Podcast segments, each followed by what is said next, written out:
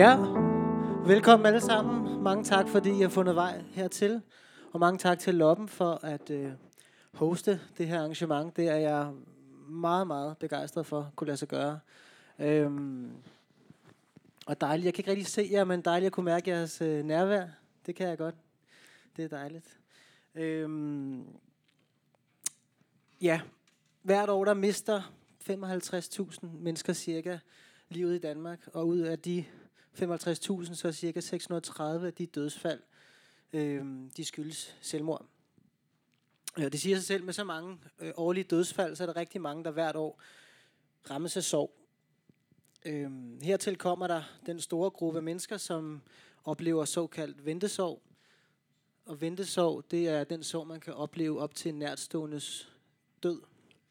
Øh, det kan være et barn, hvis forældre er uhelbredeligt syg, hvor man over tid mister, hvor den syge forældre mister mere og mere af evnerne fysisk og psykisk, og man skal leve med de tab, der følger. Øhm, det anslås, at omkring 8.000 børn og unge øhm, lever med uhelbredeligt syge forældre. Og emner som ventesorg og sorg og tab og selvmord kan være rigtig svære at tale om, og øhm, de kan være omgået af tabuisering. Den russiske forfatter øh, Fjodor Dostojevski skrev i Brødrene Karamazov, at man ikke kan blive klog på en fremmed sorg. Og man kan sige, øh, det kan godt være, det ikke er muligt at blive klog, men det er muligt at blive klogere, tænker jeg. Øh, en, et menneskes sorg vil altid være unik, afhængig af hvilket menneske, der er sørgende, hvem den mistede er, deres indbyrdes relation og hvilken kultur sorgen optræder i. Øhm, min forhåbning med i aften, det er, at vi kan blive klogere på, hvordan sorg og tab kan opleves. Hvordan man kan stå i og håndtere tab og sorg med særlig fokus på musik, som omringer os her. Øhm, og den mulighed har vi fået helt særligt, fordi I to, Julie og, øh, og Sine, har sagt ja til at komme og, ja, og tale her og spille jeres musik også senere. Øhm, så først og fremmest tusind tak til jer. Øhm, jeg tænker lige, vil starte med at præsentere øh, Julie. Hvis vi starter med dig. Du er sangerinde og sangskriver og multiinstrumentalist og producer, og har spillet i mange år i øh, We Are The Way for the Cosmos to Know Itself. Øhm, til del stadigvæk, men du er primært aktiv som Gro, et soloprojekt, hvor du 29. oktober udgav dit debutalbum, Kolumna, som vi skal høre sange fra i aften. Jeg kan godt glæde jer. Øhm, og kolumnapladen, den handler blandt andet om de følelser og tanker, du har haft øh, i relation til at have mistet en mor, som mistede lysten til at leve, da du var 22 år. Øhm, det er lige omkring en måneds tid siden, lige knapper op, øh, du udgav kolumner. Kan du ikke starte med at fortælle lidt om, hvordan det har været at udgive den plade, og hvordan den er blevet taget imod? Jo. Øhm, og først og fremmest lige tak for den fine intro, og øhm, for at kuratere den her aften. Jeg synes, det er et virkelig spændende rum, det der med at få lov til at snakke først, og så lave en koncert bagefter. Øhm, det er sådan meget intimt, og det kan være, det, det sådan løfter begge dele til et nyt niveau, tænker jeg. Det er virkelig spændende. Øhm, ja, Kolumna-pladen. Øhm, det har været fuldstændig vanvittigt forløb øh, på mange måder, fordi det er, sådan, det er virkelig sådan øh, stillet spørgsmålstegn ved, ved sådan, altså min, min mening altså min, øhm, min baggrund for at skrive musik og, øhm, og udgive det. Øhm, fordi jeg tror som, jeg, jeg har i hvert fald altid været sådan, øhm, jamen det var, hvor meget betyder de tekster egentlig, og sådan skal jeg, hvor meget skal jeg fortælle om, hvad de handler om og sådan noget, ikke? Og, og nu, er jeg sådan, nu har jeg bare lyst til, at det skulle give mening for mig og for, for dem, der lytter, øh, og være ikke lægge ord imellem. Øhm, så det har været, øh, det har været ret, ret vildt, øh, at, øh, jamen, at det lige pludselig bare øh, stod der og var derude, og, og de her ting, jeg fortalte om det, øh, stod på skrift ude på internettet. Sådan. Øh, men øh, det, jeg, jeg synes virkelig, at det har givet god mening for, altså, for først og fremmest mig selv. Øhm, først at skrive sangene, men også at jamen, skrive om sangene, øhm, om den her tid, øh, som, som var svær. Øhm, så det har givet mig rigtig meget. Ja. ja. Dejligt. Og vi skal jo tale meget mere om kolumnepladen, og, og udover at vi skal høre den øhm, senere. Men tak, Signe, for lige at præsentere dig også. Du er sangerinde og sangskriveren bag Kamma. Og du har udgivet en række singler, og du udgav øh, i april i år Momentary Emotions EP'en, som du blandt andet har lavet i samarbejde med Sune Rose Wagner, som folk vel kender fra Psyched Up Janice og The Ravenettes. En EP, som blandt andet tager fat på øh, beskrivelser af at have været datter til en mor, der for 11 år siden fik konstateret Alzheimer's. Øhm, den skal vi også tale meget mere om, og hvad det indbefatter, men du har spillet en masse koncerter med pladen for nyligt, og sådan helt aktuelt, så har du turneret med Lydmor, spillet en 15-16 koncerter øh, som support for hende, og fra på fredag, der skal du på arena-tur med Jung som support for dem. Kan du ikke starte med lige at fortælle, hvordan er det at være Signe øh, lige nu, og hvordan er der været ude at spille med musikken så flittigt, som det er lige nu? Altså, det, øh, det er virkelig nogle sindssyge dage lige nu. Altså, det er det virkelig. Jeg har så mange ting at tænke på, og det er jo det er virkelig fantastiske ting. Altså drømme, som går i opfyldelse for mig og mit projekt lige nu. Og jeg har virkelig fundet et hold, som står bag mig og hjælper mig med at blive til den kunstner, jeg gerne vil være og har drømt om at, at blive, siden jeg var barn. Men, men samtidig er det også øh, mega overvældende og hårdt og nogle helt nye sider af, af livet, som man skal finde ud af at navigere rundt i og ligesom have sig selv med og, og trække vejret. Og jeg tror, måske specielt med en historie som min i bagagen, så, så kender man sig selv ret godt. Eller jeg gør i hvert fald. Jeg kender mig selv godt, fordi at der har været mange tidspunkter, hvor jeg har været ude i yderligheder i mit følelsesliv af den ene eller anden årsag. Og det tror jeg, øhm, det kommer også til udtryk på den her turné, jeg har været på. Det kommer også til udtryk for, at jeg skal spille for 10.000 mennesker lige om lidt, og det bliver helt vanvittigt. Øhm, men jeg tror også, at jeg kender mine grænser rigtig godt, og det tror jeg hjælper mig lige nu. Så det er jeg ret taknemmelig for, på en eller anden måde. Ja, ja. Helt sikkert. Ja, fordi jeg tænker, det må være helt vildt at spille en, en lille håndfuld, håndfuld koncerter i forbindelse med EP-udgivelsen i foråret, og så nu spille så meget, som du gør. Hvad har været det vigtigste at holde fast i? Har det været det med grænserne, eller hvad har ellers været vigtigt for dig at, at holde fast i den her travle tid? Ja, altså det har helt sikkert været, været grænser, og så også at finde ud af, øhm, hvor vigtigt det er at være åben med det hold, man har med sig omkring, hvordan man har det, og at det hele netop er nyt, og man skal finde frem til, hvordan man reagerer i forskellige situationer, og hvordan man ligesom øh, tager alt den øh, lykkeros ind, som man jo også får af at stå på scenen lige pludselig så mange aftener i træk, og det er så forskelligt fra det liv, man plejer at leve, og det tror jeg også, øh, det er en helt ny øh, erfaring at gøre sig, og det der med at huske på, at man har et andet liv, som også giver en helt anden ro, og noget, som virkelig kan øh, få en til at falde ned på jorden og lade op til næste gang, du skal ud og spille. Det er mindst lige så vigtigt, som at være ude og spille. Ja. Så ja. Kan du give et konkret eksempel på det her med at huske på, eller kan man sige, øhm, muliggøre den her ro i, i det private? Altså, ja, noget konkret, du gør det, eller som er vigtigt for dig? Ja, altså jeg, jeg bor i øh, et rigtig dejligt område lidt uden for København, hvor jeg går en masse ture med min hund. Det er simpelthen dejligt. Og øh, husker på at være i naturen, og det er sådan noget, jeg selv synes var mega klichéagtigt, da jeg var yngre, men, men der er noget om snakken. It works. It works, præcis. præcis. Helt klart. Øhm, tak. Vi skal tale mere om grænser og hvad der er vigtigt for jer hver især. Øhm, men jeg kunne godt tænke mig nu, at vi lige har taget et helt aktuelt øh, pulsmåling på, hvad der foregår i jeres musikalske liv lige nu. Så også at få en rejse tilbage med jer øh, i jeres musikalske historie. Øhm, det plejer jeg gerne lige at vil høre lidt til, og det vil jeg også gerne i dag. Så Julie, måske hvis vi starter med dig. Øhm, hvad er det for en rejse, du har været på indtil nu med musikken, hvis du nu starter fra det første gang? Sluk gnister, og så frem til i dag. Jamen, det første øh, magiske møde øh, var, at øh, min, øh, min forældre spillede musik. Øh, min far er, er musiker. Øh, Øhm, og de var øh, specielt interesserede i folkemusik og folk. Øh, og de havde sådan en masse strengeinstrumenter hængende på væggene øh, i mit barndomshjem. Øhm, og dem øh, synes jeg jo var virkelig spændende. Øh, og tog dem ned og sådan sad med dem og, øh, og sådan, kan bare huske det der, sådan, det føles som om, man bare havde altid i verden, når man sad med de der instrumenter, og de vibrerede og lavede resonanser, og man kunne mærke dem, og, og altså, det føltes bare vildt at, at have det der instrument, der skete bare et eller andet. Øhm, og så begyndte jeg at skrive små sange på dem. Øhm, først måske uden ja, sang, og så lidt senere med sang og sådan noget, og så udviklede det sig, og ja, sådan nogle pigebands i løbet af folkeskolen, og så sådan noget MGK og noget konservatorie, hvor jeg så blev interesseret i elektronisk musik. Øhm, og så er det på en eller anden måde sammensmeltet her i, i Gro, den her, sådan, de her strenge instrumenter og, og det her elektroniske univers. Ja, fordi vi skal jo blandt andet høre øh, og se på scenen i dag et fantastisk strenginstrument. Du, du spiller flere faktisk, de står også nogle af dem. Øh, det første øh, musik, du skabte, var, nu sagde du på et strenginstrument. Hvilket strenginstrument var det?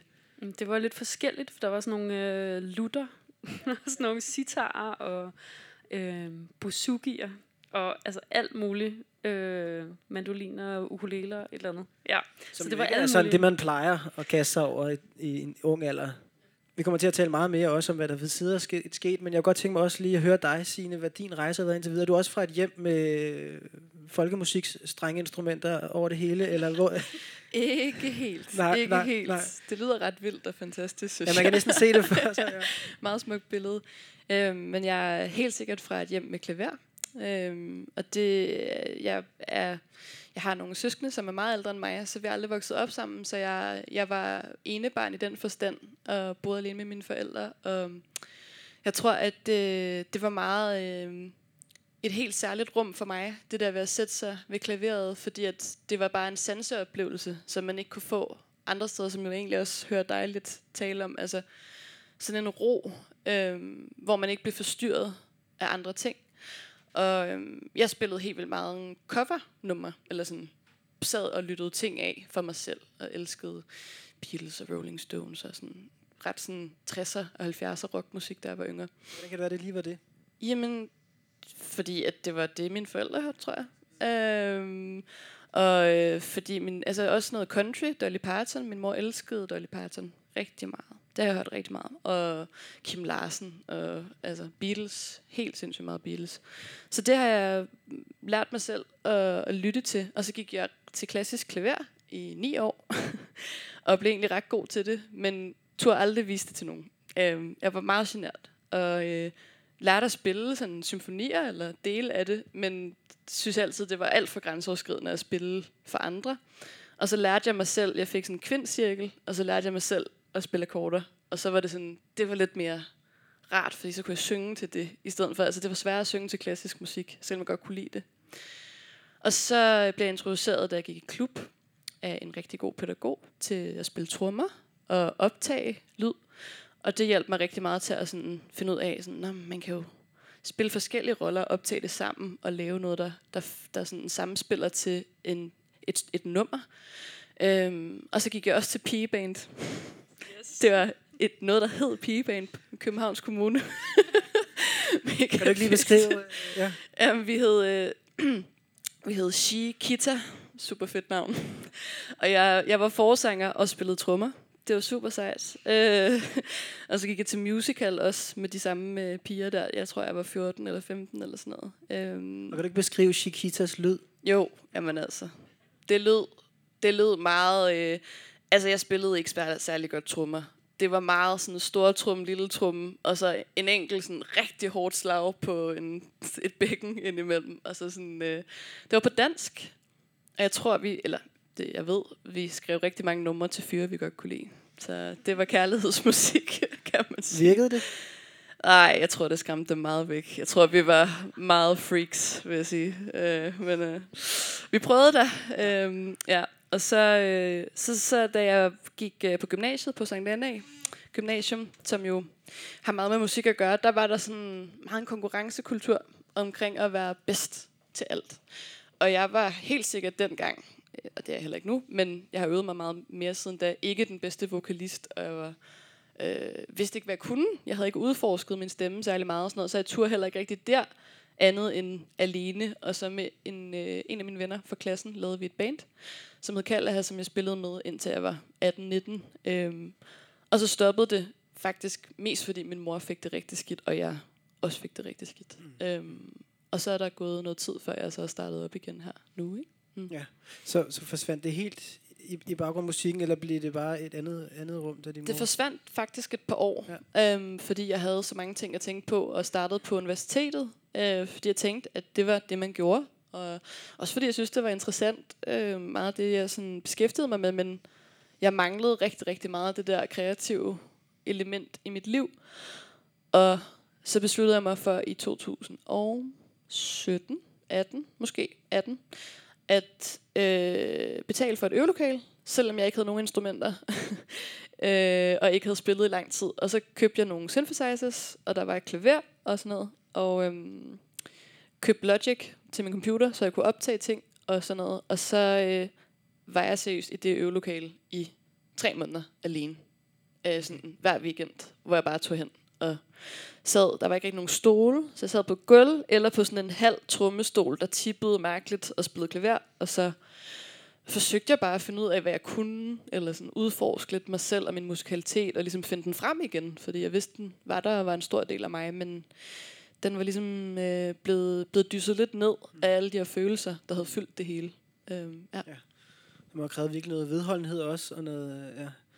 Og det må også har været et specielt rum, og jeg tænker, det kommer vi mere ind på senere, øh, hvad musikkens rum er, også i forhold til nogle af de, kan man sige, svære følelser, du lige har været inde på. For lige netop det her med tab og sorg, øh, du kunne godt tænke mig at vende blikket mod nu her. Øh, hvis jeg starter med dig, Julie. Øh, jeg siger her i introen, at emner som sorg og selvmord og tab og så videre er omgivet af, af tabuisering. Øh, er det også noget, du genkender, eller noget, du har oplevet, eller har du Ja. en opfattelse? Ja, det må jeg sige. Fuldstændig. Øhm, det er noget, som man, man hurtigt går videre i teksten med, hvis man sidder og, og snakker. Øhm, altså, der er mange, der bliver, øh, der bliver sådan lidt ubehageligt tilpas. Øh, og det er jo også helt fair. Altså, det er jo, hvor meget man ligesom er stødt på. Øhm, men øh, jeg så har oplevet det en, en, en, en høj grad. Øhm, altså også det der med, altså også sådan faktisk internt i familien, at at det er noget, man ikke rigtig snakker om. Eller sådan, når man ses, så vil man jo gerne prioritere at, få snakket om det gode, og hvordan det går på arbejdet. Og, altså sådan, der, der, altså, så det er måske ikke, altså, det er ikke fordi, at man ikke rigtig vil det, bare fordi det, det er svært at komme ind på. Øhm, selvom vi alle sammen har brug for det, så, så kommer man ikke rigtig ind på det. Har du mødt nogen, der har anderledes let ved at komme ind på det, eller som gør det nemmere at tale om? Mm, ja, det er jo lidt forskelligt. Altså alt efter, hvor, hvor stor en grad af indlevelse folk har, eller, sådan, øhm, eller hvad de selv har oplevet. Øhm, altså, men jo, selvfølgelig, altså, det er jo også det der, man, det, det finder man meget ud af, når man så mister nogen, altså hvem der så ligesom øh, kan, kan sådan noget med at spørge ind, og hvem der ikke kan, og sådan noget. Ikke? Og det blev man jo, jeg blev meget rørt over dem, der så, der, der spurgte ind til det, og måske ligefrem skrev et eller andet brev med, at jeg er din tætte veninde, og du kan altid spørge, eller du kan altid gøre et eller andet. Sådan, det, det bliver man virkelig, øh, det er virkelig en gave at, at, at, at have sådan en, bare et lille spørgsmål til, til nogen, der, der har været igennem noget, noget grimt, ikke? Ja, så det her med ikke at have berøringsangst, men at spørge, fordi jeg er netop lidt nysgerrig på, fordi det er så udbredt det her med, at det kan være umtåligt og svært øhm, at tilnærme sig, hvad det så er, der har, har virket godt for dig. Du siger det her med at skrive, mm. eller spørge, altså hvad, jeg kan ikke sige noget mere om, hvad der er, der kan har virket godt for dig. Mm. Jamen så, altså, jeg tror også måske selv, jeg var 22 år, og, og måske fuld fart fremad, og øhm, sådan, det, det må vel lige... jeg tror også, jeg havde brug for bare at, at ikke snakke så meget om det. Eller jeg, der var i hvert fald ikke...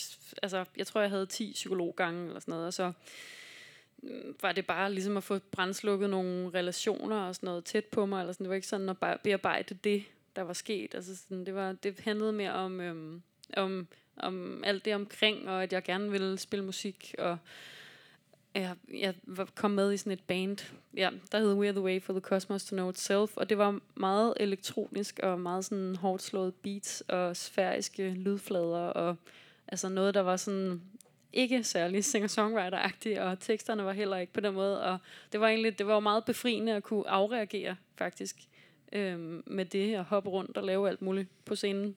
Øhm, men ja, det, øhm, det var ja, en svær tid. Ja, jeg kunne forestille mig en interesse i både at blive spurgt, men måske også nogle gange ikke at tale om det selv. Ikke? Det er jo også den der svære ja. balance. Ikke? Jo, det er det. Øhm, men der skal helt sikkert både snakkes om det, og også tages pauser fra det. Øhm, jeg tror, at det, øh, det altså, man, der mangler et eller andet, hvis man ikke har begge dele, Mm. tror jeg. Det kommer vi også ind på, tænker jeg, det her øh, med, hvordan balancegangen har, har været eller kan være for dig.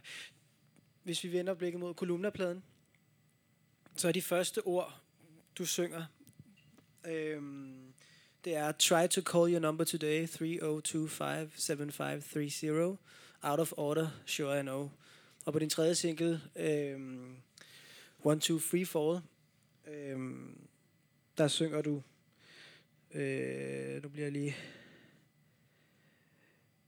If I knew you now, would I like you like I used to? Would it be the same if I called you? Og på Fade in Time-sangen, der synger du, My closest one, she left when I was 22 nogle meget rørende linjer, synes jeg, når jeg hører dem, og også nogle linjer, der jeg fik et indtryk af, måske eller en fornemmelse af, øhm, på en eller anden måde, øhm, beskrev din relation øh, til din mor. Dens betydning, og også hvordan du bærer den med videre.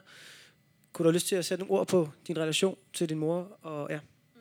Ja, altså den var jo meget tæt, og det er jo hendes telefonnummer, øhm, der kommer i første øhm, nummer der, ikke? Øh, som så øh, fortæller, at jeg, øh, jamen, jeg ringede meget til hende, og snakkede meget med hende, og øh, hun var jo nærmest, hun vidste jo nærmest, hvordan jeg havde det, før jeg selv gjorde. Øh, meget omsorgsfuld, kærlig, øh, supermor, jo, ikke?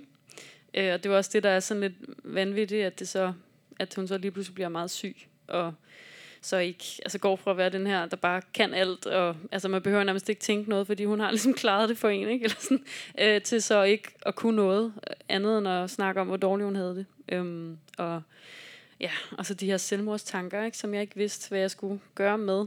Øhm, så det, øh, altså det var jo, det var ret, en ret vild kontrast. Øhm, og et ret vildt forløb. Øhm, og jeg havde bare brug for at sætte nogle ord på, øh, på det, sådan ret direkte faktisk, i, på den kolumne der, plade. Øhm, ja, hvor jeg fik, fik sat nogle ord på, hvad det, hvad det egentlig er, øhm, der, der skete. Ja.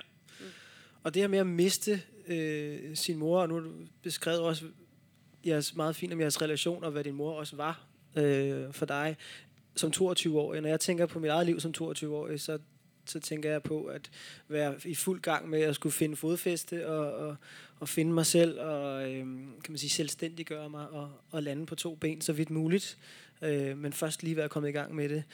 Så det her med at være 22 år og så miste øh, din mor øh, med alt det hun indebar. Ja. Mm. Kan du ikke sige lidt om hvordan det var? Jo. Mm. Ja, altså jeg, jeg tror bare, at jeg var sådan lidt i, i chok jo, ikke? Øh, og det er jo det der med, at når hun så efterlod sådan en kæmpe øh, omsorg, øh, som så ikke lige pludselig var der, så må man jo finde det nogle andre steder. Øh, og det, altså, det var jo lidt svært. Øh, altså, jeg plejer lidt at, at, at tænke på det som sådan et skakspil, hvor dronningen bliver slået ud, ikke? Øhm, der er en masse andre brækker, der kan, der kan køre det hjem, men de skal lige, man skal lige kende dem. Øhm, og øh, jamen, så finder man øh, jo helt klart nogle, nogle andre, der, der har noget omsorg. Øhm, og man bliver også selv måske altså en, sin egen dronning på et tidspunkt, ikke? Som, som kan tage vare på sig selv. Det, det kræver bare lige lidt øvelse. Ja, og gjorde du noget, eller hvad har du oplevet i forhold til ligesom at nærme sig at blive din egen dronning? Altså, ja.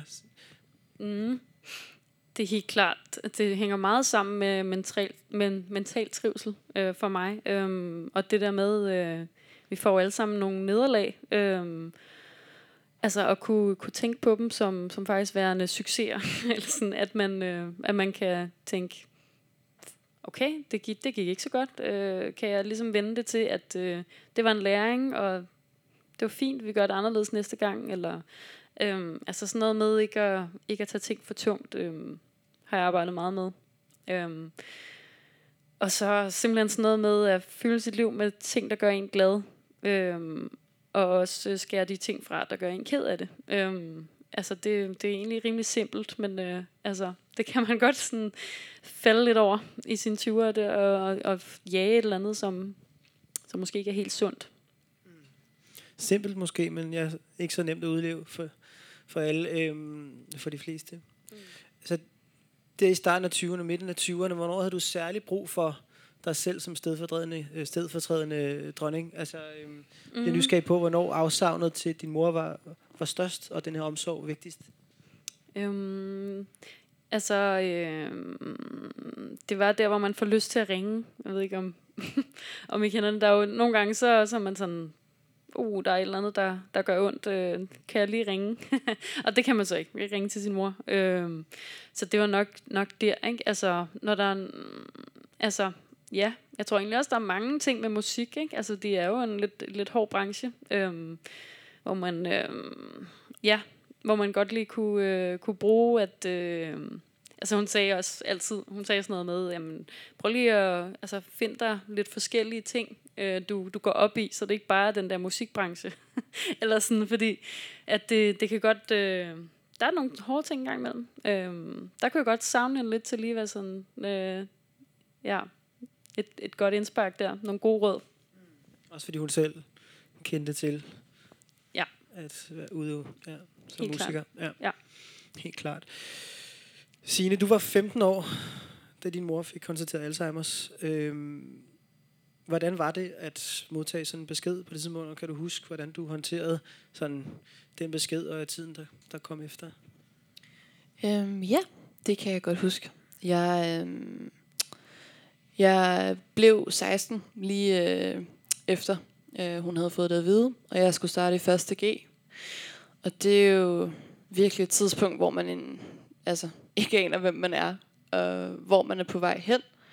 Og, jeg tror, for de fleste vedkommende er der nogle meget sådan, stramme sociale koder, som man prøver at passe ind i, og prøve at finde ud af, hvad for nogle mennesker man skal være sammen med i klassen, og alle sådan nogle her ting. Og det, det blev jo bare meget overskygget af en følelse af afmagt om, omkring det her, der var sket i min helt tætte familie. Og jeg tror også, at øh, jeg forstod jo slet ikke egentlig, hvad det var, jeg havde fået at vide fra hende. Altså det var hende selv, der fortalte mig det. Og jeg ved, at der har været en lang proces, før at hun kunne sige det højt til mig, hvor hun har været til alle mulige undersøgelser, og først ikke har kunne få noget at vide om, hvad det var, og de troede, hun havde stress, og det var så ikke det, og hun gik hjemme i lang tid, før at, at vi ligesom fandt ud af, hvad det var, der var galt, og det var også bare i sig selv mærkeligt, at hun hele tiden var hjemme. Jeg var jo vant til, at hun var på arbejde, og hvorfor var hun ikke det? Øhm, og jeg tror også, at altså, min mors diagnose har gennem hele forløbet meget kommet til udtryk i, at hun har forandret sig meget og ændret personlighed. Øhm, så det der med allerede dengang at kunne mærke, at der var ligesom noget anderledes ved hende, og hun havde ikke, hun havde ikke et særligt stort overskud, og hun øh, var meget, meget sådan øh, bundet af sine følelser. Hun kunne ligesom ikke øh, se sig ud over sine egne følelser eller gemme dem væk. Øh, og, og det var bare ekstremt hårdt at være i. Øh, fordi at jeg anede ikke, hvordan jeg skulle hjælpe hende, og jeg kunne heller ikke sådan sætte en grænse over for hende. Nej, jeg tænker som 15-16 år, det der med så ikke at blive taget i hånden i forhold til det, der så også fulgte for dig som datter. Øhm, Ja. og, og at du har oplevet den her gradvise ændring øh, på forskellige områder. Dels fra, at hun ikke er lige så meget øh, ude, men mere hjemme, og ændringer på personlighed og sådan noget. Var der nogen omkring dig, der, der kunne tage dig lidt i hånden, eller hvor meget af det her stod du alene med? Altså, øhm, jeg havde helt sikkert nogle virkelig stærke mennesker i min nærhed, øhm, som så mig, og som forsøgte at række hånden ud, og ligesom øhm, tage tingene øh, alvorligt, eller det jeg gik igennem alvorligt. Og, og det, øhm, det er jeg utroligt taknemmelig for stadigvæk den dag i dag, er det også nogle af dem, som stadig er tæt på mig nu. Men der var også mange i min nære øh, familie, som overhovedet ikke, øh, som jeg så det dengang, og som jeg desværre også bliver nødt til at se på det nu, altså tog det særligt alvorligt, eller så, at det var et problem, at jeg ikke blev hjulpet, fordi øh, vi talte ikke om, at min mor var blevet syg, og vi talte ikke om, at hun var anderledes, og derfor talte vi heller ikke om, at man blev påvirket af det. så derfor var det jo bare en lang række tabuer, som ligesom sådan dannede et skjold rundt om den sandhed, som var, at hun var forandret. Og det, øh, det tror jeg virkelig, øh, altså det kan jeg jo først se nu i bag, bagklogskabens øh, klare lys, eller hvad man skal sige, men, men jeg, jeg endte faktisk med selv at opsøge en psykolog som 16-årig, fordi at jeg øh, følte mig fuldstændig fortabt, og altså sådan, ikke anede, hvor jeg skulle gøre mig selv, når jeg var derhjemme. Og det var en kvinde, som arbejdede på et plejehjem, som også var et demensplejehjem, som minder meget om det sted, hvor min mor bor nu. Øhm, og hun øh, var utrolig øh, sød og omsorgsfuld og tog mig meget i hånden og sådan noget. Men det var jo også vildt fremmed at skulle henvende sig til en kvinde, man ikke kendte, og fortælle sådan fra et blødende hjerte, hvordan man havde det. Og så tage hjem og lade som om, at der ikke var sket noget. Og jeg, sådan, jeg kunne ikke fortælle min far, for eksempel, om hvad det var for nogle ting, jeg oplevede, fordi han kunne ikke rumme det, og han magtede ikke at, at tage sig af den del af hele processen, tror jeg. Nej. Så alt det her, der ligesom, hvad kan man sige, øhm, havde et liv om, øh, i og omkring dig, var sådan meget overset. Man har sådan et ord som for det her med at holde noget skjult, som er meget sårbart og svært og smertefuldt, som et udtryk, man kalder kærlighedens skjold. Nu sagde du også selv ordet skjold. Altså, at der var det her, det her øh, skjold, som havde, folk havde svært ved at, at, at, at trænge igennem, og, og som derfor efterlod dig meget alene. Forestiller jeg mig også ensom med rigtig ja. mange ting. Ja. Øhm, det tror jeg også for, at der også var med mennesker omkring dig. Men i hjemmet, der hvor det hele pågik, der var der ligesom ikke så meget øje for det, der foregik om bag det skjold der. Mm. I, I gymnasiet, øh, mange kender jo, eller vil huske gymnasietiden som sådan en bekymringsløs og sorgløs tid med masse frihed og, og så videre. Og jeg bliver selvfølgelig nysgerrig på at høre, hvordan du oplevede din gymnasietid der på Sankt Anna. Øhm. Altså, på virkelig mange måder øh, øh, utrolig svært, altså, og virkelig, øh, virkelig ensom, ja. Det er nok egentlig det mest rammende ord for den sådan konstante underliggende følelse, jeg havde. Fordi at jeg jo stadigvæk havde kæmpe interesse i at, at forsøge at finde ud af, hvem jeg var, og udleve nogle drømme, og få en kæreste, og ligesom sådan have nogle relationer, og alt sådan noget her, og, og også det her med at blive musiker, altså det vil jeg jo også gerne dengang, og prøve at øve mig, og blive set af nogen, som jeg også synes var dygtige, og alle sådan nogle her ting. Men jeg tror, at langsomt, men sikkert, der åd den situation, der foregik i mit hjem, ligesom alt det overskud, jeg havde, til at forsøge at, at blive til det andet, som var ung kvinde, som forsøgte at finde ud af, hvem hun var. Øhm, og det gjorde så også bare, at jeg sådan, altså, faldt stille og roligt fra hinanden, ærligt talt.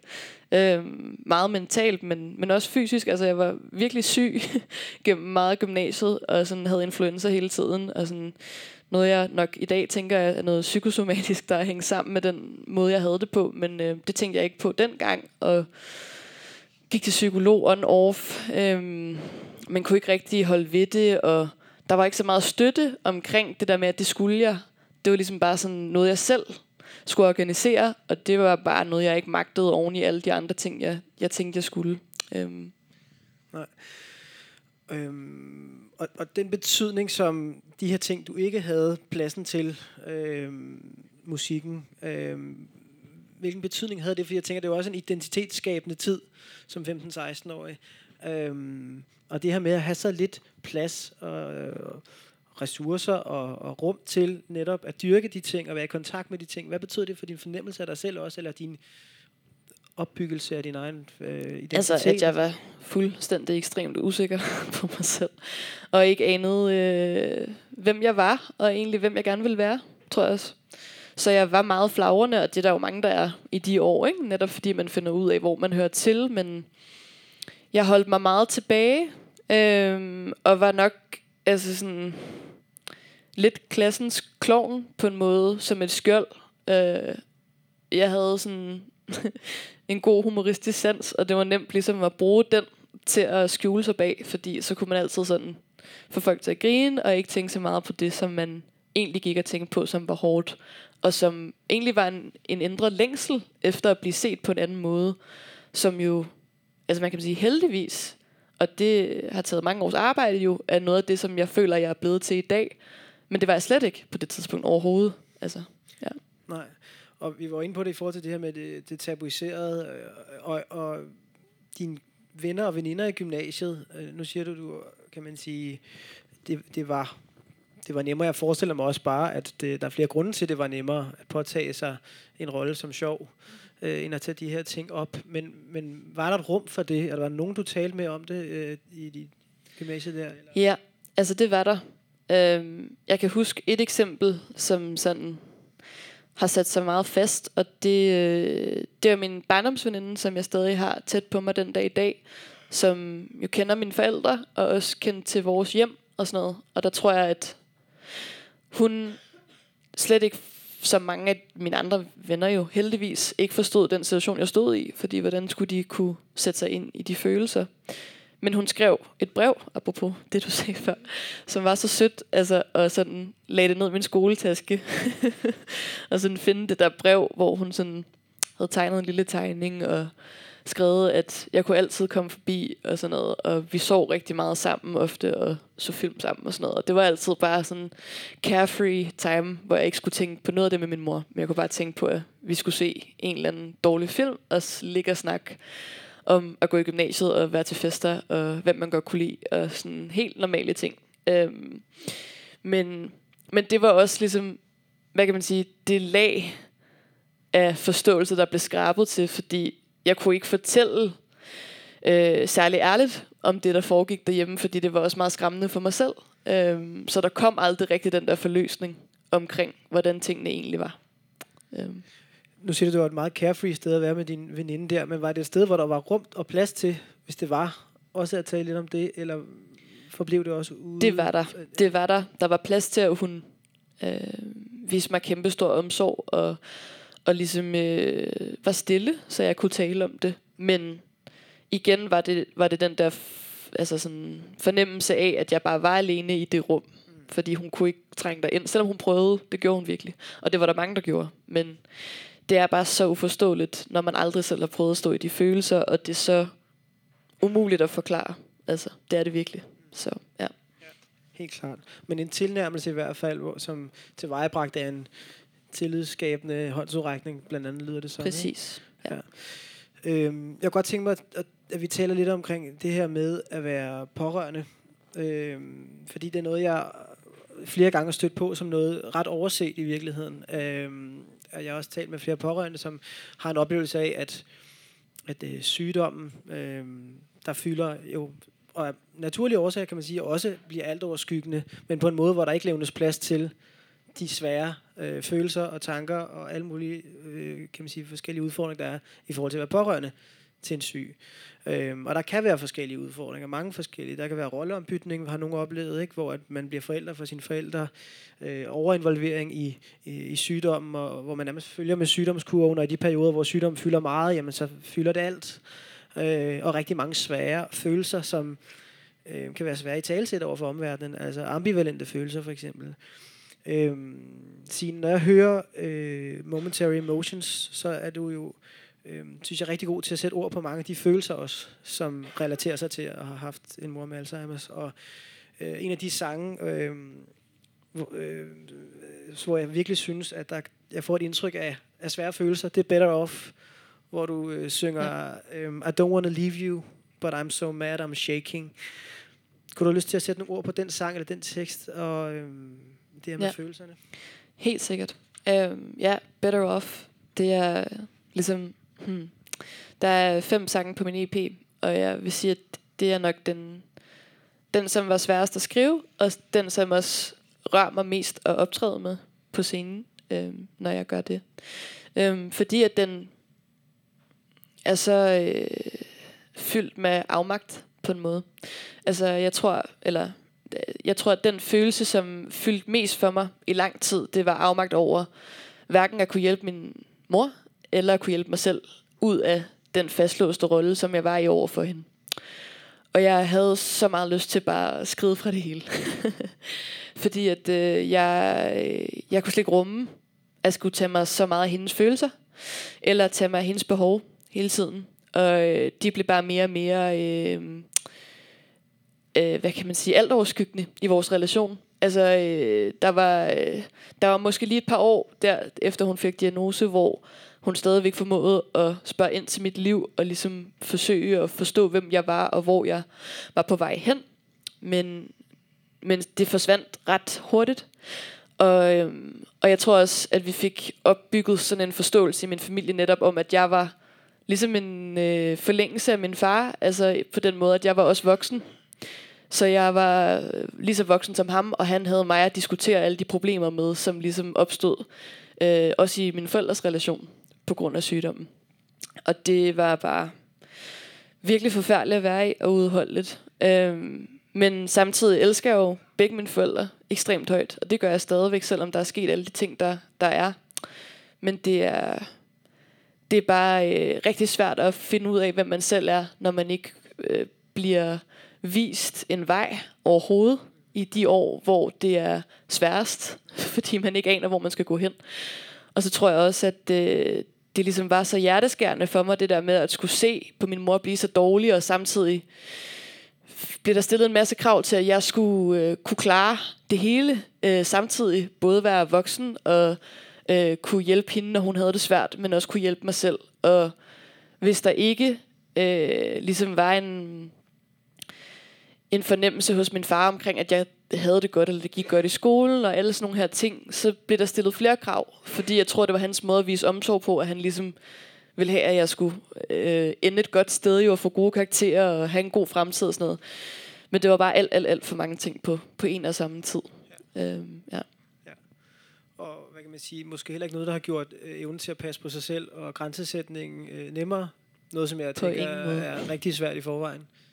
Og, og lige præcis det her med, med at passe på sig selv, øh, er også noget, jeg har læst i et interview med dig, øh, og du er også inde på det her, øh, som noget, der er rigt, har, har været rigtig, rigtig svært øh, i det her, blandt andet i forhold til at skulle passe på din mor, øh, og alt, hvad det indebærer, så det her med også at passe på sig selv.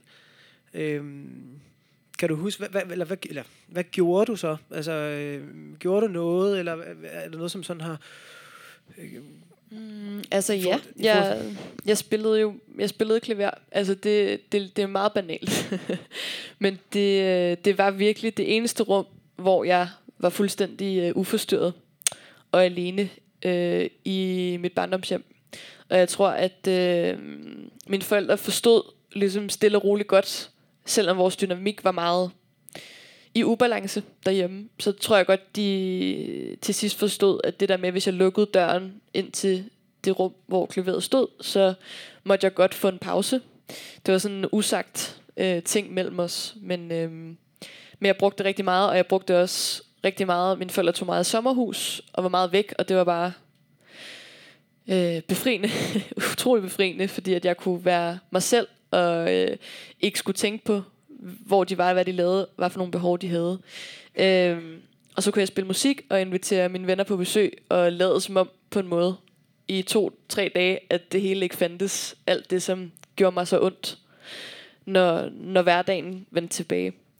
Øhm, og det er også rigtig meget det, som Better Off handler om. Altså det der med, altså i, i versene øh, i den sang, der, der taler jeg meget direkte til begge mine forældre, faktisk. Altså sådan, Is it any wonder that I am not there by your side, as you want me to be? Altså, er det, kan det undre dig, at jeg ikke har lyst til at være tæt på dig, selvom du gerne vil have det? Øhm, fordi at det bare til sidst føltes så, så kvælende, at skulle tage den rolle, selvom jeg elskede dem så højt, ikke? Øhm, ja. ja. Helt sikkert. I, I et andet interview, så har jeg øh, hørt dig udtale, at det her med så altså, at sætte grænser har været vanskeligt, øh, og at plise har været mere fremkommeligt. Øhm, og så havde du en samtale med en god veninde, som konfronterede dig med det her med pleasing. Øhm, og kan du ikke sætte nogle ord på, hvad var det, hun konfronterede dig med? Øhm, Jo. Jo, altså det, det var ret sådan meget turning point for mig faktisk at have den samtale. Jeg tror, måske vi var, ja, 22-23 øh, år gamle. Og min veninde, hun boede i Aarhus og læste på arkitektskolen. Og ja, vi er stadig virkelig gode venner den dag i dag. Og vi gik også i folkeskole sammen og boede tæt på hinanden. Øh, der hvor jeg voksede op og sådan noget. Så vi kendte hinanden rigtig godt. Og øh, hun havde jo set, hvad det var, jeg gik igennem. Og hun havde også set, hvordan jeg led under det. Øh, og gjorde mig selv mindre i mange situationer for at kunne enten være den sjove, eller være den stille, eller sådan ikke fylde for meget. Øh, kun på tidspunkter, hvor jeg vidste, at jeg gik under radaren, fordi jeg ville ikke konfronteres med desværre. Øh, det var simpelthen for hårdt at være i. Så øh, vi sad og drak en øl hjemme hos hende, øh, og vi havde været til en eller anden fest dagen før med nogle af hendes nye venner, og det var egentlig gået godt, synes jeg. Øh, jeg havde gjort det, jeg plejer at gøre, altså sådan lave jokes og bare øh, stille og roligt prøve at passe ind i et socialt spil. Og øh, det er der jo heller ikke overhovedet noget galt med. Men så sagde hun bare sådan, du behøver ikke at gøre det der. Altså sådan, jeg ved godt, hvordan du er rigtigt. Og jeg ved godt, at du er helt ekstremt kærlig og omsorgsfuld og dejlig. Og der er ingen grund til at snyde andre for de sider af dig selv, fordi du er bange for at være sårbar eller vise, øh, at du egentlig bare er, som du er, uden at du skal pakke det ind i alle mulige andre øh, øh, måder at, at få folk til at føle sig trygge på, kan man sige. Ikke? Altså pleasing. Og jeg blev først vildt ked af det, fordi det er jo et ansigtstab på en måde. Det var det i hvert fald virkelig meget for mig dengang. Øh, men jeg tror også, at det sætter sindssygt mange tanker i gang omkring, hvem jeg gerne vil være, og at stå ved sig selv. Øh, og egentlig, altså sådan, dengang begyndte jeg at skrive mange af de tekster, som endte på EP'en. Så det er nogle rigtig gamle tekster og sange. Og jeg skrev altså også dele af min sang Sommerblues i den periode.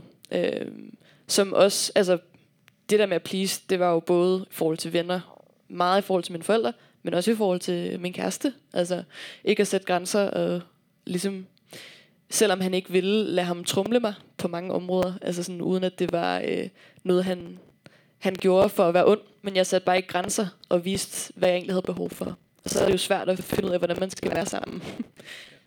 Ja, og jeg tænker, en understregning af betydning af at få den invitation, som din veninde gav dig ved at konfrontere dig, øh, på den måde, hun gjorde det, som også var anerkendende, men som var ligesom, det er faktisk øh, okay, øh, og jeg ser dig øh, i, i det. Øhm, hvilket det ikke lød som om, at øhm, du kunne finde mange andre steder, eller havde fundet mange andre steder, så det er noget, man skal lære også. Ja, præcis. Altså, og det er virkelig øh, en anden sang, som så ikke er på min EP, men som hedder Something to You, øh, som er en af de singler, jeg udgav øh, før EP'en. Den taler også meget om det der med at, at sige højt, hvordan man har det, og også sige højt, når man er enten utilfreds med noget, eller når man elsker nogen. Mm, og det, øh, det er ikke noget, jeg har oplevet specielt meget i mit barndomshjem. Og jeg tror, jeg gjorde det altså sådan helt overdrevet meget, da jeg var yngre, fordi at jeg kompenserede. øh, og jeg gør det nok også, eller jeg, jeg gør det meget i dag, men jeg føler, at jeg gør det på en måde, som jeg meget står inden for nu. I stedet for bare at gøre det for at gøre andre glade, så forsøger jeg at gøre det, når jeg har behov for det. Det har jeg ret ofte, men det er også fordi, jeg har virkelig fundet ud af, hvor vigtigt det er at sige højt. Og også mærke det fra de mennesker, jeg inviterer ind tættest på mig, at man skal kunne sige højt, at man elsker hinanden og stå ved ens relation. Ikke? Ja. Så ja. Ja, så vidt jeg husker, så åbner du sangen med at synge uh, All your good intentions, they left me here to burn. Altså så, ja, præcis. så det her med også at udleve intentionerne og faktisk få det gjort, og ikke bare lade det blive usagt? Eller? Ja, og også bare altså, i forhold til forældre-barn-relation. Altså jeg, jeg var bare fanget jo i øh, en fælde, som ligesom var, at folk går ud fra, at man elsker sine forældre, og at forældre elsker sine børn. Og jeg er ikke i tvivl om, at min, både min mor og min far har elsket mig ekstremt højt, men de var ikke særlig gode til at vise mig omsorg, og vise mig den kærlighed. Og sige det. Og, øh, og selvom der også er mange, der har et kærlighedssprog, som handler om handlinger, så er det for mig rigtig vigtigt at sætte ord på tingene. Og det synes jeg virkelig bare, vi skal være bedre til at tale om. Altså, ja. Helt sikkert. Øhm, Julie, jeg har i et interview med dig læst, at øh, du siden du mistede øh, din mor, har tænkt meget på, om det kunne være endt på en anden måde. Og der er også flere linjer på, øh, på kolumna, øh, hvor du stiller ubesvarede spørgsmål. På, blandt andet på One Two øh, Free Fall, hvor du synger Would you tell me that I did what I could? Øh, som et af, et af spørgsmålene, du stiller. Øh, kunne du ikke have lyst til at sætte nogle ord på det her med at, at have ubesvarede spørgsmål? Altså, være efterladt med det? Øh. Jo, det er der jo. Altså, der er simpelthen så mange af dem. Øhm, fordi man får jo aldrig svar på, hvad der lige går igennem hovedet på en person, som, som ikke har lyst til at leve. Øhm, det er jo sådan et meget øh, intimt øjeblik, medmindre man har skrevet et afskedsbrev eller sådan noget. Ikke? Øhm, men det er jo... Øh, ja, der er mange ting, jeg ville have spurgt hende om. Øhm, og det var jo en tid, hvor vi øhm, gjorde en hel masse, øh, altså i familien, især min søster og jeg, øh, for at, øh, at det skulle ligesom, at hun ikke, øh, hun ikke skulle have de tanker. Øh, men jeg, altså jeg må indrømme, at jeg, jeg vidste jo ikke særlig meget, øh, da jeg var 22 år, om, om noget som helst med mental sundhed, eller psykisk sygdom, eller mm, bare og, altså selvmordstanker. Øh, så jeg, jeg, jeg snakkede faktisk ikke med hende om det, selvom hun, øh, hun sagde, at hun havde overvejet det. Det er nok lidt det samme, som, som Signe beskriver, det der med, at at man har bare brug for pauser. Øhm, og jeg var også meget sådan, jeg havde faktisk en nøgle til en musikskole, hvor jeg låste mig ind og var rigtig meget, og bare sad og mm, stirrede, mens jeg spillede et eller andet, eller øh, strak ud, eller varmede op i min stemme, et eller andet. Øh, bare for at få nogle pauser for at, at kunne, øh, kunne være i det. Øh, og så når jeg var, var sammen med hende, så var jeg jo øh, ekstremt øh, tilstedeværende, øh, og, og, og ja, lavede mad sammen med hende, og øh, til hende og sådan noget, ikke? Øh, men øh, ja, jeg tror aldrig, at... Øh, altså for mig handler det meget om det med, at jeg ikke snakkede med hende om det. Det vidste jeg slet ikke, man skulle. øhm, ja, og det er også bare det, jeg... Også derfor, jeg har, har valgt at være så off, offentlig omkring de her tanker, fordi det... Altså, man skal, man skal virkelig være der for en person, som har selvmordstanker, fordi det, de gør. Altså, øh, hvad kan man sige? De øh, gør alvor af deres, deres tanker nogle gange. Øh, så det er virkelig, virkelig vigtigt at tage det alvorligt. Ja, og man kan sige, som du beskriver, en, en, en mor, som altid har været øh, klippen og læne sig op af, og som også er et udtryk for, at det kan altså ske for, for alle. Der er ikke en eller anden sådan prototyp, det kan, det kan, alle kan rammes, ikke? Så det her med sådan, og samtidig også understregning af, at som 22-årig, jamen der, der, der ved de færreste, hvad der kan være op og ned, hvad man kan spørge og ikke spørge, og sådan nogle der ting, ikke? Øhm, ja. Jeg kunne godt tænke mig, at øh, som oplæg til det næste, at, øh, at læse nogle linjer op. Jeg har medbragt her af, af, af Søren Ulrik Thomsen fra hans øh, digtsamling Rystet Spejl. Øhm, så det vil jeg lige gøre nu. Et kort øjeblik, når jeg vågner, har jeg glemt, at kastanjen overfor er fældet, og at bøgerne af min ungdoms stjerner, gule og bulede, står i en kasse på gaden til 10 kroner stykket. Ja, selv at du for længst er væk. Men i næste sekund har jeg indhentet alle 30 år, og hen under aften oven i købet fået en fremtid, før natten tager mig tilbage. Øhm, og grunden til, at jeg godt kunne tænke mig at lige netop læse øh, det her digt op af Søren Ulrik Thomsen, øh, er fordi jeg har talt med flere mennesker i sorg, som har beskrevet det her med, at at sorgen har sin egen tidslighed på mange måder. Den kan træde i forgrunden og baggrunden, og den kan bevæge sig og skulpe og, og, og så videre. Øhm, og særlige tidspunkter, øjeblikke, sansninger sågar og dage kan især øhm, vække den til live, hvis den har været væk. Som i digtet her kan den være glemt måske det ene øjeblik, og så kom, være bulrende nærværende det næste øjeblik.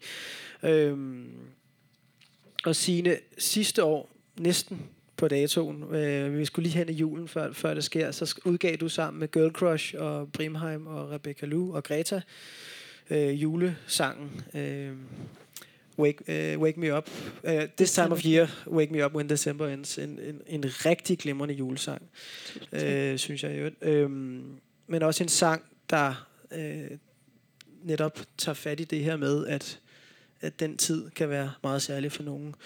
Øhm, har du også i, i forhold til det, ja, dine tab og, og sorg, du har oplevet, oplevelsen af, at det her med tiden, der kan, altså sorg, der kan reaktualiseres af for eksempel julen og så videre, ja. Helt bestemt. Altså det, øhm, det tror jeg næsten alle, som har mistet en, en forælder eller søskende eller en nær relation, kan genkende, at man måske i perioder kan tænke, at man er sluppet lidt væk fra det hele. Fra alt det hårde, som, som jo er med en, uanset hvad man gør. Men så kan man blive mindet om det menneske, som man savner, øh, eller den situation, som man savner. For eksempel jul. Altså min mor var virkelig god til at holde jul. Hun gik meget op i det, og øh, det var altid fantastisk. Øh, helt utrolig mad, og smuk juletræ, og øh, bare meget sådan familiefølelse. Og jeg tror lige præcis det var noget, som min øh, rigtig gode ven, Rebecca Lou, også kunne genkende. Og det var derfor, vi skrev den her sang sammen. Fordi at hun også ligesom har nogle tab og savn med i bagagen, der gør, at det er svært at, at forholde sig til en højtid, hvor alle ligesom samles om kærlighed og familiefølelse. Og hvis man ikke rigtig øh, ved, hvor man skal finde den hen i sit liv, så, øh, så gør det virkelig ondt, og kan gøre ondt. Altså, det kommer tilbage til mig hver eneste år, den her følelse. Øhm, og det var også derfor, vi skrev netop den sang. Øhm, men, men det er blevet nemmere for mig med årene, vil jeg sige. Altså, faktisk var det mest smertefuldt de år, hvor jeg stadig holdt det hjemme med min mor, fordi hun var så anderledes, og ligesom øh, var noget helt andet, end det jeg gerne ville have, hun skulle være, på en måde. Og så følte jeg jo også øh, ekstremt dårlig samvittighed over, og, og hele tiden søge efter det gamle, som var forsvundet. Hvorfor, hvorfor, hvorfor dårlig samvittighed? Jamen, øh, jeg tror bare, det var sådan en... Altså sådan en skamfølelse over, at jeg ikke kunne acceptere, hvad hun var blevet til. Også fordi det var ligesom en del af den tabuisering, der var omkring hendes sygdom, at sådan var hun nu, og det var fint på en måde. Og man skulle ikke... Øh, hun var der jo stadig, så hvad skulle jeg klage over? Eller hvorfor skulle jeg have det dårligt over det på en måde? Og altså, det er både med jul, men det kan også bare være at gå en lang tur et sted, hvor man er gået øh, med en, man elsker, for eksempel med en forælder. Eller det kan være at dufte en bestemt duft, eller finde et billede fra et gammelt album, som man har glemt fuldstændig alt om. Og så kan man blive så ked af det. og det prøver jeg virkelig at give mig selv lov til at blive, når det sker. Mm. Men øh, julen er et virkelig sådan tilbagevendende øh, eksempel. Ja. ja, som du synger, Every year we feel it all over again i sangen yep. der, ikke? Præcis. Øhm, og jeg bliver nysgerrig på det her med, at man, øh, der kan være tabuisering omkring at miste. Øh, og alligevel kan der måske være en anden imødekommenhed over at møde et menneske, der aktuelt er i sorg, end at møde et menneske, der re- øh, oplever en reaktualisering af sorgen. Eller, et, eller gensorg, som er det her med, at man mange år efter for eksempel står i en helt ny livssituation, og så oplever sorgen på ny. Altså kan I genkende til det her med, at der er en, måske en helt anden øh, udfordring i forhold til at mødekomme reaktualiseret sorg? Eller, ja. ja. Jamen, ja. det er også fordi, det er så ukonkret på en måde, ikke? Altså sådan, jeg tror, jeg har gået i ekstremt meget terapi øh, i forbindelse med min egen soveproces og sovegrupper. Øh, og mange af dem, som ligesom mig øh, har en forælder med, med kronisk sygdom, altså det bliver jo meget sådan fadet ind under gulvtæppet. fordi det ligesom ikke er konkret. Altså, min mor er ikke død lige sådan inden for de sidste par måneder, eller der er ikke sket noget nyt, øh, andet end at hun jo stadigvæk bare er vildt syg og skal dø. Øh, men det er som om, at øh, hvis der ikke er noget meget sådan konkret at sætte en krog i, så er det, så er det svært at, at sætte ord på, og så er det også sådan meget fluffy, sådan, hvordan skal vi tale om det, fordi at det er der jo hele tiden, og det må man jo lære at leve med på en måde. Ikke? Så jeg, jeg har helt sikkert den følelse, og måske også øh, specielt den diagnose, min mor har haft, og måske også med selvmord, kan jeg forestille mig. Altså, at det er, det er noget andet at forholde sig til en, en udbredt sygdom, som har et kortere forløb, øh, og som flere kender til. Øh, så det har jeg i hvert fald oplevet mange gange, at for eksempel at hvis der er en, der er død af kræft, så er der flere, der kan genkende det, for der er mange, som oplever den sorg at miste folk til kræft i deres nære familie. Og det er overhovedet ikke fordi, at det gør det øh, mindre tragisk, øh, men det, det er svært at forklare det, som vi har gået igennem, øh, så konkret, tror jeg. Mm. Ja. Så tak for at gøre det, også i den her sammenhæng. jeg tænker, det er jo enormt vigtigt at få udbredt viden om netop, hvordan kan det opleves, ikke? Øh, så, så. Men du sad også og nikkede, Julie, Jamen, det er faktisk noget, jeg ikke lige har tænkt over, men øh, altså, det er jo så anden bølge på en eller anden måde, eller mm, nummer 10 bølge, eller sådan noget, jeg så har, har lavet her ved at, at dykke, dykke så direkte ned i, i, hvad der skete, og sådan rent faktisk jeg virkelig øh, vende hver sten på en eller anden måde, som jeg har gjort i forbindelse med den her plade og det er der jo så nogle venner, som er sådan lidt, gud, vi, vi har jo været der for dig en gang. altså, hvad, hvad laver du egentlig? Eller sådan, ej, altså, øh, jeg tror bare, altså, jeg har faktisk ikke gået så meget til psykolog, øh, så øh, jeg tror, at jeg har brugt mine venner vildt meget. Øh, og altså, jeg tror måske også, at det kunne være meget sundt at, at indse, at det er måske også meget fint at, at bruge nogle andre øh, en gang imellem. Øh, og altså, der findes jo vildt, vildt mange... Øh, hvad kan man sige, øh, steder, hvor man kan gå hen med sin sorg, ikke? Og snakke med folk, der har oplevet det samme. Så, ja. Ja, så tænker jeg i hvert fald et, et, et, et, noget, der må være væsentligt og sådan ikke for, for afstemt, men det med fortroligheden kan være meget forskellig, og det her med at øh, finde en relation, hvor fortroligheden er der, og tilliden er der, hvor man kan tale om det, og åbne for det, og, og lukke for det, og sådan noget, må også være komplekst ja. i, i venskabsrelationer. Men det er også lykkes i nogle relationer. Kan du ikke sætte nogle ord på? Eller lyder det som? Mm. Skal jeg ikke lægge ord i munden på dig? Øhm, jo, det lykkes i nogle situationer, og andre gange ikke. Og man må også altså, nogle gange lige acceptere, at, at folk ikke har været igennem det samme, og det er helt okay. At øh, altså lige rumme dem også. Altså, ja. ja. Øhm, og du var lige netop inde på øhm, det, som jeg godt kunne tænke mig at spørge ind til nu, nemlig øh, sorgen i musikkens rum. Altså, øhm, og specielt tilblivelsesprocessen i forhold til kolumna. Øhm, fordi i, i 19 og i 20, der isolerede du dig i flere perioder i din lejlighed, øh, hjemmestudiet, øh, for at øh, blandt andet indsamle billeder og LP'er øh, fra din mors og fars ungdom, og for at genkalde dig øh, minderne omkring din mor, øh, og så bearbejde savnet og, og sorgen i tekstskrivning og sangskrivning. Kunne du have lyst til at sætte nogle ord på den proces, øh, det har været at skabe kolumner i forhold til det med sorgen og bearbejde den? Jo.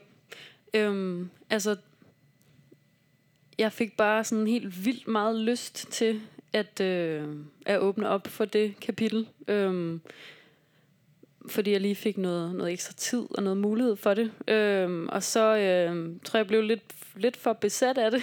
Jeg var virkelig sådan, nu skal jeg hjem til min moster og se alle de billeder, hun har fra min mors ungdom, og alle LP'er, jeg kunne opstøve fra, fra den gang. Øhm, jeg ved ikke, hvorfor jeg lige blev, jeg blev meget sådan interesseret i hende som ung. Øhm,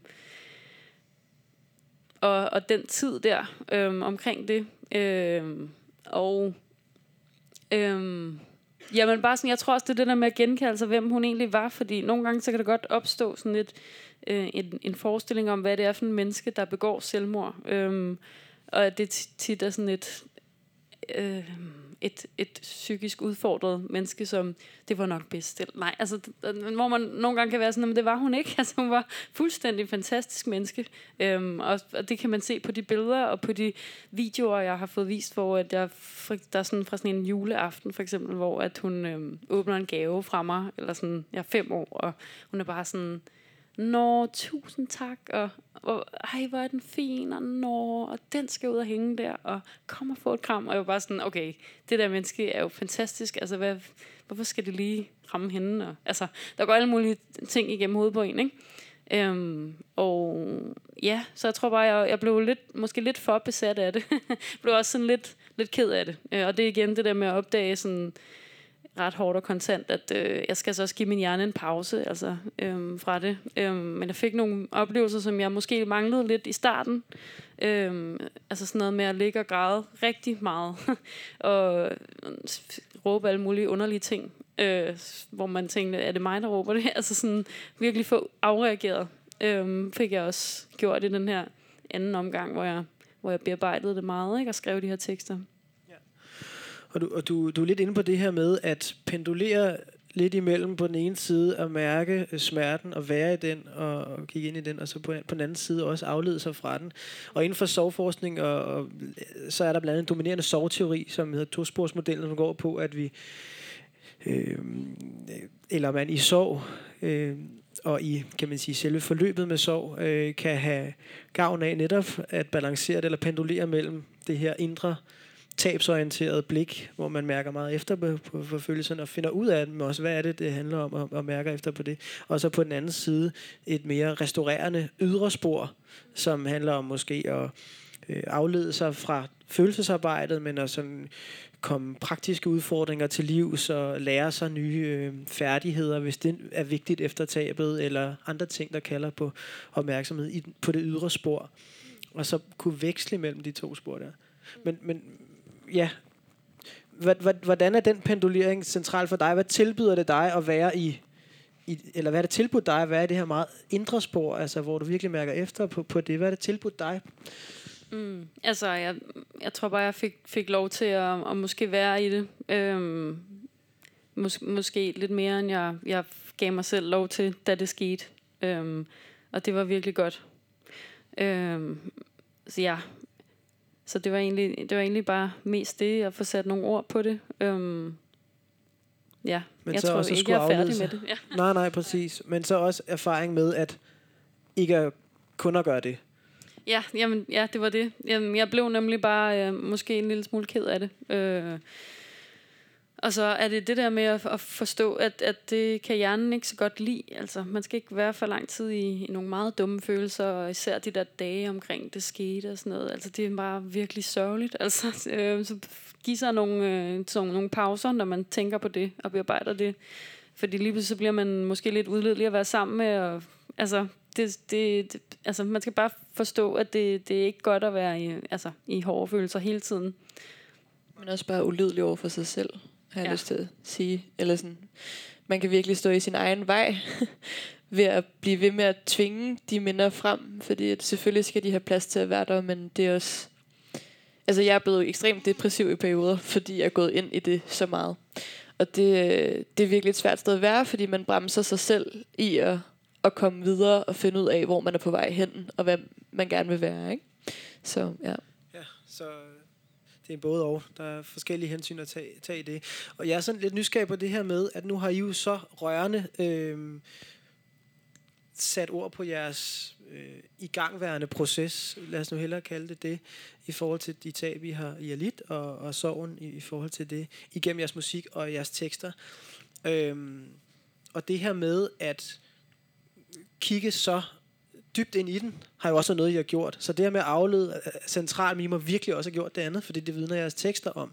Og hvor jeg tænker, at det at, at, at, at leve af at spille musik, øh, som I gør, øh, kontra og, hvad ved jeg, være revisor eller noget andet, altså at det her med at være på de forskellige spor, og være mere eller mindre på, de, på det ene spor eller det andet spor, og også kan være kontekstafhængigt, eller at der er noget, I i hvert fald virkelig kan der.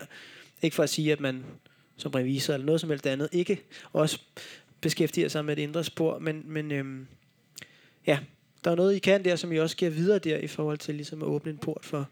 Ja, det var også ekstremt grænseoverskridende at åbne det op. Altså, jeg tror da også, det er derfor, det i hvert fald for mig, og nok også for dig, har taget så lang tid at finde mod til at, at åbne det. Fordi at det, øh, det har været meget min egen individuelle måde at bearbejde det på. Og så er jeg også bare haft ekstremt stor, stor tvivl om, om andre ville kunne forholde sig til det, og om det ville give mening, og hvorfor skulle de gide høre på mig, agtig følelse. Øhm, men jeg tror egentlig, i forbindelse med, at jeg har mødt øh, en del fantastiske mennesker, mange af dem, som er rigtig tæt på mig i dag, øh, og som er mine rigtig gode venner, som jeg virkelig har god kemi med, har på den ene eller anden måde selv oplevet et tab.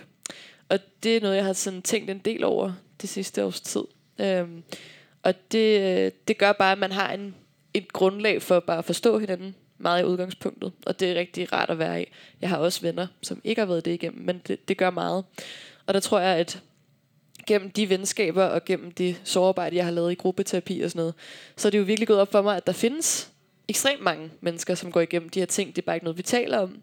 Og det er ikke noget, man kan se med det blotte øje. Og hvis der er nogen, der tør åbne op for de følelser og tanker, så kan det være, at, at den dialog og samtale kan åbnes mere, så det ikke bliver så, øh, så farligt. Øhm, og det ønskede jeg bare virkelig at være en del af, fordi jeg havde brug for det selv øh, rigtig, rigtig meget, da jeg var yngre. Ja, apropos at, at få trukket det her skjold lidt mere væk. Altså, fordi der er jo virkelig en, kan man sige, en, en himmelflugt og en distance fra at have haft svært ved at, at, at overhovedet spille sine øh, klassiske øh, s- sange på klaver ja. for andre til så at stå frem, som du gør nu på en arena på fredag. Ja. Øh, og, og, og, og, kan man sige, uh. generøst. ja. Det bliver vildt. øh, ej, men nu er det ikke for at putte pres på, men, men du, altså, Don't jinx it. Altså. Øh, ja, ja. Nå nej, men, men, øhm, men, men lige netop vigtigheden af begge veje. En ting er at spørge noget mere, skrive det brev, men også at ture, vise mod til at være sårbar på den måde.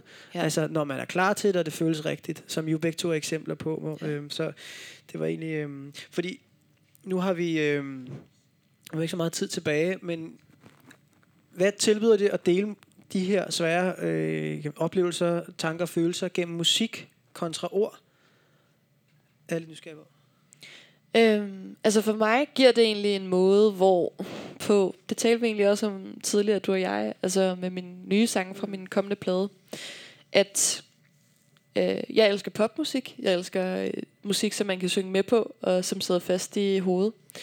Og, og ofte så er mange af de sange, som egentlig bliver skrevet på en meget poppet melodi, som hænger fast hos folk, øh, kan godt pakke store, svære følelser ind. Og det synes jeg er et sindssygt spændende øh, grænseland at bevæge sig i som sangskriver. Og jeg har udfordret mig selv en del ved både at bruge en jeg-figur i mine tekster, men også at bruge en tredjepersonsfigur. Og ligesom se mig selv udefra, og også kigge på mig selv som yngre, men også kigge på mig selv som den kvinde, jeg er blevet nu. Og finde ud af, hvad det er for nogle processer, der er gået igennem mig, for jeg er kommet hertil. Og jeg tror, at øhm, det der med at give folk noget, som de kan hægte sig fast på, som er en god melodi, eller noget, man kan danse til. Altså sådan, det skræmte mig lidt, da jeg var yngre, fordi jeg tænkte, så, var det, så må det ikke være lige så dyb kunst, hvis det først og fremmest er noget, der sætter sig fast, uden at man tænker over, hvad der bliver sagt, eller hvad for et budskab det handler om. Men egentlig så er det de sange, som jeg selv bliver mest rørt af ofte. Det er dem, som jeg først har startet med at synge med på, og så sidenhen at fundet ud af, hvad det egentlig handler om, og at det faktisk er noget, som virkelig rører mig, når jeg lytter efter og hører det på dansegulvet. Altså sådan øh, tilfældigt til en fest eller et eller andet, så kan jeg virkelig blive rørt af en følelse. Mm. Og det, det er det, jeg jagter øh, ret meget i min egen sangskrivning for tiden. Mm. Helt sikkert. Og meget i tråd med det, jeg kunne godt tænke mig at stille de to øh, sidste spørgsmål. Øhm, og måske i forlængelse her, Signe. Øh, hvis du kunne tale med dit 15-16-årige jeg, øh, med det du ved og har erfaret siden, øh, er der så noget, du vil sige til hende? Eller? der er godt nok mange ting, jeg gerne vil sige. Øh, jeg tror først og fremmest, jeg vil sige, at øh, hun er ekstremt modig. Øh, fordi hun rækker ud og siger, at hun har det svært. Og at det er okay at sige fra. Også selvom man bliver bedt om nogle ting af voksne, som man ikke har lyst til, og som man føler er grænseoverskridende. Og at det er okay at sige højt, når man har det skidt. Og det er jo noget, man bliver nødt til at prøve at falde og prøve at falde. Og ligesom finde ud af, at man ikke slår sig så hårdt næste gang, man gør det igen. Men, øh, men det ville jeg ønske for hende, at hun havde kunne se tidligere, tror jeg. Ja. ja. Og Julie, øh, har du også måske gjort dig nogle tanker, eller øh, om erfaringer eller øh, viden. Du har også efterspurgt viden, øh, som vi lige talte om lidt tidligere. Øhm, så hvis du kunne ja, tale med de 22-årige jeg, er der så noget, du især vil måske udtrykke eller fortælle? Øhm, altså egentlig bare, at, øhm, at det var okay, det jeg, øh, det jeg gjorde. Øhm, og jeg var der så meget jeg kunne. Øhm, at, øh, det ville være meget godt at, at opsøge øh, noget, noget viden om, hvad, hvad man gør, øh, når man er tæt på en, der er selvmordstruet. Øh, og at, øh, at jeg bare skal vide, at den, den kærlighed, som min mor har givet mig, skal jeg være meget taknemmelig for, fordi den er virkelig øh, uundværlig, og, og den grund til, at jeg klarer mig, som jeg gør. Øh, så den skal jeg bare holde fast i. Og det gør det blandt andet i, i sangene, vi skal høre lidt senere. Tusind tak til jer to, og tusind tak til jer. Øhm, jeg glæder mig til at høre jeres sange, så jeg om lidt. Men tak for nu. Tak fordi vi tak for nu.